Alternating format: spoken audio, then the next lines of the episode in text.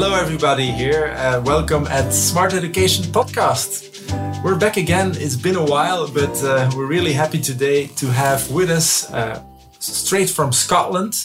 Do I say that right, Alan? Yep. Scotland? Yep, that's right. Uh, Mr. Uh, Alan Seeley, uh, who is a physiotherapist and also a manual therapist. Uh, he works as a clinical specialist in vestibular rehabilitation. And because of his uh, great interest in dizziness and balance disorders, he is also uh, director of the Aberdeen Balance Clinic. Um, in his professional life, he has treated and helped over 7,000 dizzy patients. That's something to be dizzy about already. uh, so, this will be the topic of today. Um, Alan, welcome. Thank you very much, Stan. Let's talk a little bit about dizziness um, because uh, well, this is the, the, topic of today. You've been doing a lot of uh, national and international conferences on the field of vestibular rehabilitation. You have published papers in peer uh, reviewed journals. Mm-hmm. And now you're here with us. Uh, how was your day today? A whole was, day of teaching. It was a whole day of teaching, but it was great fun. It was a good audience. We had a good course. I'm looking forward to the next couple of days. Mm-hmm. Great. Well, let me uh, start off with a with a with a question uh, immediately. Um, it is true uh, if I say that vertigo is a common chronic and untreated problem, and it may also lead to uh, extensive disability. Um, do you think that uh, do you think enough physios and general practitioners are aware of this? Sadly, no. And unfortunately, the dizzy patient gets a very poor deal. Um, the typical experience is that they are very dizzy suddenly. It's scary. It's frightening. They go to their doctor. The doctor will try medication. By and large, the medication doesn't work, whereas what they really need is rehabilitation. And certainly in the UK, and it's typical of many countries, the rehabilitation just isn't there. Uh, this is a great shame because dizziness is one of the most satisfying uh, conditions to treat. Uh, mm-hmm. certainly, amongst all the conditions I see, when I get a dizzy patient, I'm rubbing my hands because I know they're going to get better. Mm-hmm. Um, we have a natural recovery from dizziness. And often the problem is that the patients will put in, put in front of them or develop obstacles to recovery, barriers to recovery. So, from my point of view as a clinician, often I'm just trying to remove the barriers to recovery to allow the natural recovery to take place. Mm-hmm, mm-hmm. Is it also a misunderstanding that it is mainly uh, something something going on with elderly people? Certainly, anybody of any age can be dizzy, and I've treated patients as young as four uh, up to nearly hundred. Um, so dizziness is common throughout all age groups it is certainly true to say that it gets more common the older we get. Mm-hmm. But that's not because it's an aging process. It's because you've been around on the planet longer. Yeah. So you're more likely to have picked up gravity. Not necessarily gravity, but no, but you're more likely to have picked up a problem in okay. that time. It's yeah. like the longer you're on the planet, the more likely you are to have uh, to have had a sprained ankle. Yeah. But it doesn't mean that sprained ankles is an aging yeah. problem. So it's not really degeneration. Always. Not really, no. And this is the mis- the misunderstanding. It's just you are more likely to have developed dysfunctions in the vestibular system the longer you live around on the planet. Mm-hmm. It's mm-hmm. certainly true that the very elderly will almost certainly have a, a vestibular dysfunction, mm-hmm. um, a measurable asymmetry in the vestibular system that we can assess using some fairly basic physio assessment skills. Mm-hmm. mm-hmm.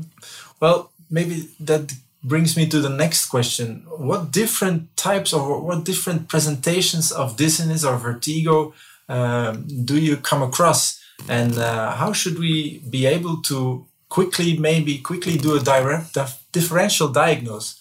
I see you smiling because you're thinking it's not easy. It's certainly not easy to do a quick differential diagnosis, yeah. Um, but it is possible.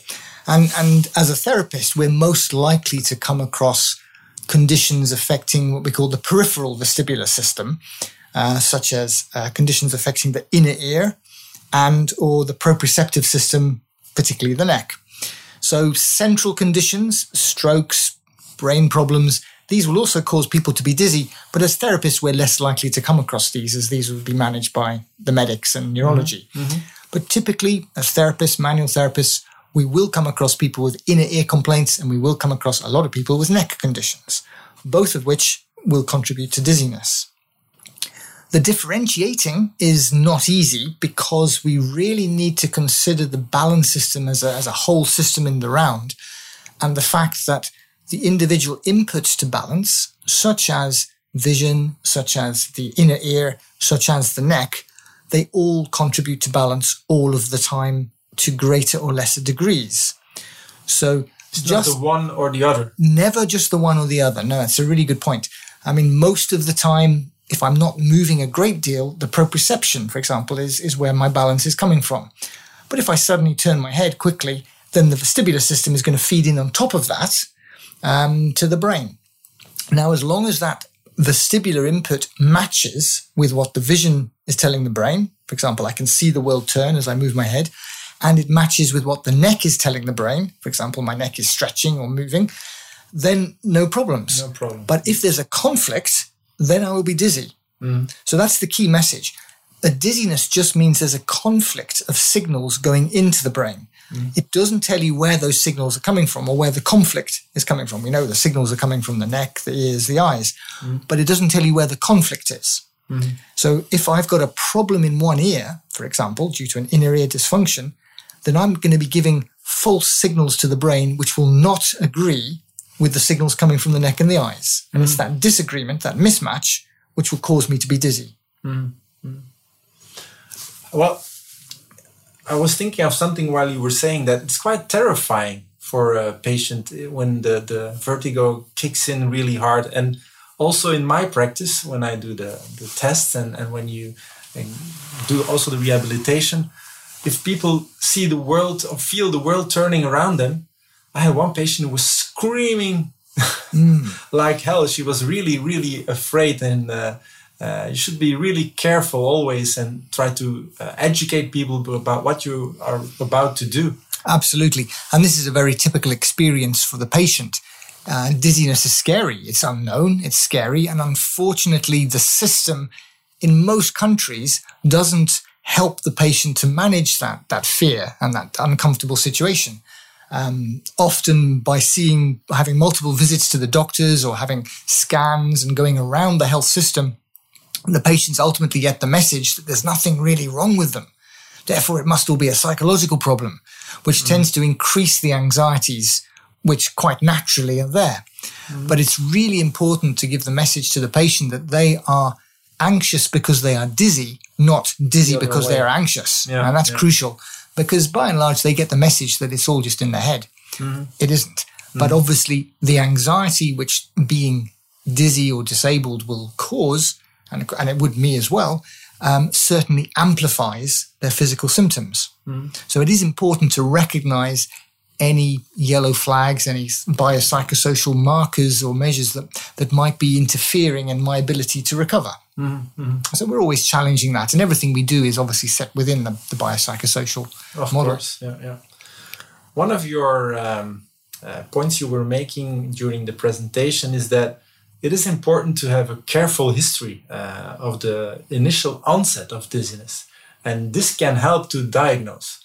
Uh, when talking about uh, uh, BPPV or ischemic TIAs, uh, Meniere, and uh, Mm-hmm. neuritis. Mhm. What is, is because this I find interesting Mhm. and maybe an easy, quick way to that. Yes, it, it's rough and ready, and it's Yeah. not it's not foolproof in it by any means. But that we can we go, go into that? Absolutely, yeah. Um, I think one of the useful uh, questions to ask is the duration of onset of the initial episode. So the first episode when you were dizzy, think back, when was it? What, what were you doing? How long were you dizzy for? And if you're dizzy for just a few seconds, if it was like I rolled over in bed and whoosh, the world starts to spin and the world's spinning for 10, 20, 30 seconds, maybe it feels like a minute, but it's still by and large seconds. Well, then that makes me think this could be a positional vertigo due to crystals moving around in the canals of the inner ear. On the other hand, if I bend forwards or roll over or turn my neck and I'm dizzy and it's lasting minutes, well, minutes duration is often a sign of a, a TIA or a transient ischemic attack or some form of ischemic event. Um, Contrast that with an attack maybe that lasts hours. You know, I'm fine one day and then bang, um, the world spins and I've got to lie down in for six hours, 10 hours maybe. That sounds like a migraine as a trigger for a dizziness. Or if there's associated hearing loss, then that sounds like a Meniere's disease, which okay. is roughly like a migraine, but with hearing loss as well. And then finally, I suppose, well, if the if the initial onset of dizziness, if it lasts days, you know, if the world is spinning for one, two, three, four days, and it takes you a few days before you can get out of bed and start moving around, well, that sounds very much like a, a neuronitis where the whole nerve is irritated and mm-hmm. it takes a few days for the nerve to settle down itself. Mm-hmm. So, as a rough guide, the yeah. initial onset of symptoms can help us start to differentiate between the different conditions. Um, but differentiation is, is not not easy. Never, no, never easy. I think this is already good information. It's really mm. uh, valuable. Um, and then how about rehabilitation, rehab? What that's our our business. Um, and why do you think? Because I think this is the the the, the, the case. Why do you think that sometimes physios fail at doing a, a good job with uh, dizzy patients, with patients suffering from vertigo? Where does it go wrong? Generally, because they don't look at the patient.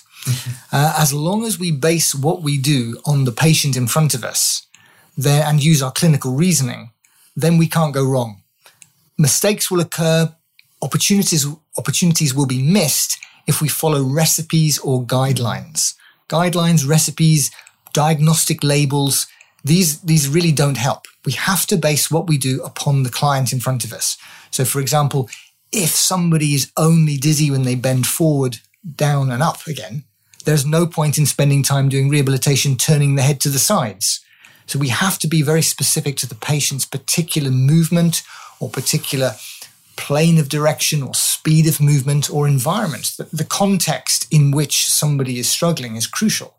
So, for example, if someone is only dizzy when they're walking outside in a busy place, then we will not get very far if we keep all our rehab indoors in a quiet, calm safe environment. Mm. We have to get outdoors at some point, or we have to mimic the outdoors, mm. or we have to challenge the system such that the, the brain is having to deal with multiple sensory inputs at any one time.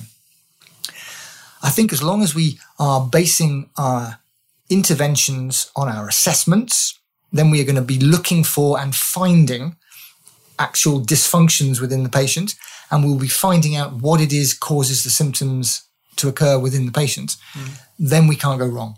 Mm-hmm. But as soon as we leave that behind, as soon as we say, well, so and so has got a diagnosis of this, and for this diagnosis, this is what we always do, then we're always leave, uh, liable to leave ourselves open to problems. Mm. And we may just miss opportunities. That's a really strong message.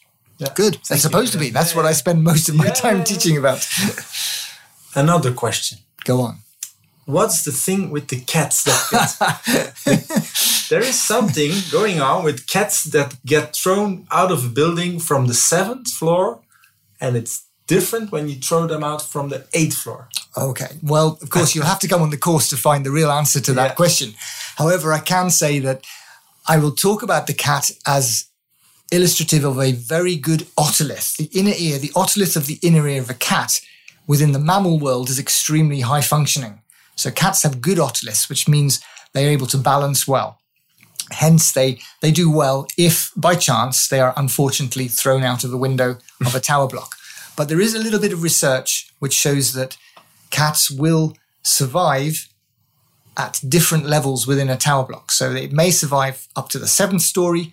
At the eighth story, it will maybe not survive, but it might survive again at the tenth story, oh, and so on. And you hmm. could postulate that there are layers up the skyscraper where it is safe to throw a cat out of a window. okay. However, cat lovers may like to leave the room now at this point. But you'll have to come on the course to find out why that is. Okay, that's a good teaser. Yes, indeed. Um, well, to conclude, um, Alan, we did receive a lot of positive reactions today already uh, from participants, uh, which is really nice. Um, and we look forward again to have you with us the following two days. Uh, we'll be teaching. Uh, you will be have you teaching again here in Leuven, and then mm-hmm. on Saturday in uh, Eindhoven in the Netherlands. There's another thing. A lot of people already registered registered themselves on the waiting list. Mm-hmm. So I guess we will have to invite you again next year in 2020. That'd be great. I'll see you then. Is that a deal? That's a deal. Okay. Let's meet then again. And uh, for now, to all, all our listeners, thank you for uh, being with us here at the Smart Education Podcast. We will continue to bring uh, another uh, interesting lecture like Alan in the next fo- following weeks. So uh, stay tuned and see you soon. Bye.